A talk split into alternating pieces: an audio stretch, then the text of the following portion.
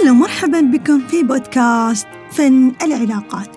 بما أننا أطلقنا مسمى فن العلاقات لهذا البودكاست هذا يعني بأن العلاقات فيها فن.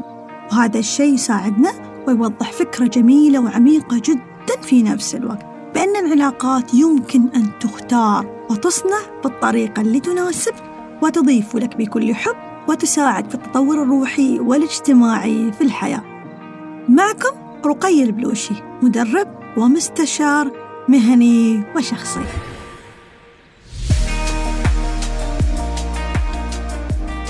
سوف نتطرق في هذه الحلقة بعلاقتك مع انعكاسك فلنقف لحظة ونتعمق في مفهوم الانعكاس طبعا الانعكاس في فلسفة مدارس التنمية البشرية. هي فكرة أن كل ما هو في العالم المادي ما هو إلا تجسيد لما هو في داخل الإنسان.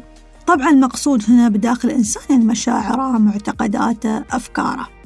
ويجيب قانون الانعكاس على الكثير من التساؤلات المحيرة في عقولنا. يعني مثلا تساؤلك عن سبب فقرك عن مرضك عن علاقاتك السيئة وغيرها الكثير.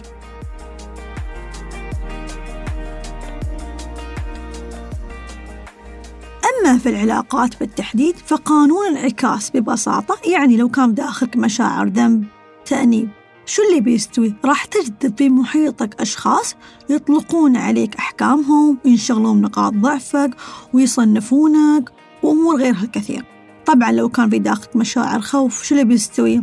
راح تجذب في محيطك ناس يفرضون سيطرتهم عليك. وأنت راح تتبعهم بدون وعي لأنك أصلا مش في وعيك. وهالشيء يطبق على كل تجارب الحياة. فالفكرة هنا ببساطة أن عالمك الخارجي هي مرآة لروحك. وشكل لحياتك. طبعا بناء على الكثير من العوامل مثل المعتقدات المشاعر الأفكار الصدمات المخزنة. وطبعا الحصول على علاقات صحية عليك بإصلاح علاقتك مع ذاتك وتبدأ رحلة التطوير والتطهير والتشافي بحب نفسك حب ذات لا مشروط.